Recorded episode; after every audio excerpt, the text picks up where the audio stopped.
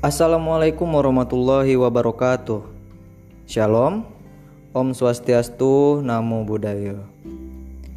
Perkenalkan, saya Yusra Jarfikma. Saya adalah seorang calon analis kerjasama lembaga keagamaan di subbagian Bina Mental Spiritual, bagian kesejahteraan rakyat, Sekretariat Daerah, Kabupaten Belitung Timur.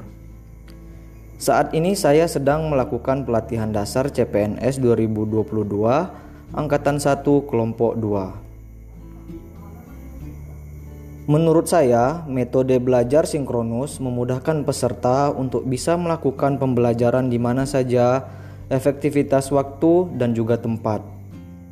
Walaupun belajar via daring, peserta tetap dituntut untuk selalu disiplin, tepat waktu, dan mengenakan atribut sesuai dengan aturan. Esensi Latsar sebagai upaya pembentukan karakter ASN tidak berubah hanya karena via daring.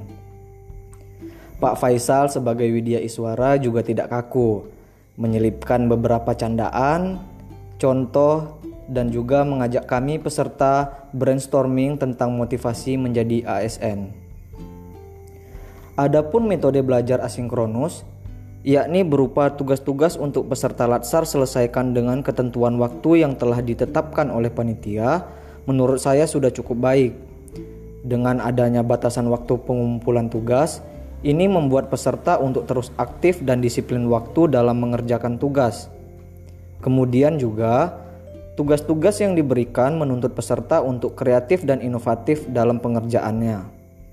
Sekian pengalaman belajar sinkronus dan asinkronus dari saya. Wassalamualaikum warahmatullahi wabarakatuh.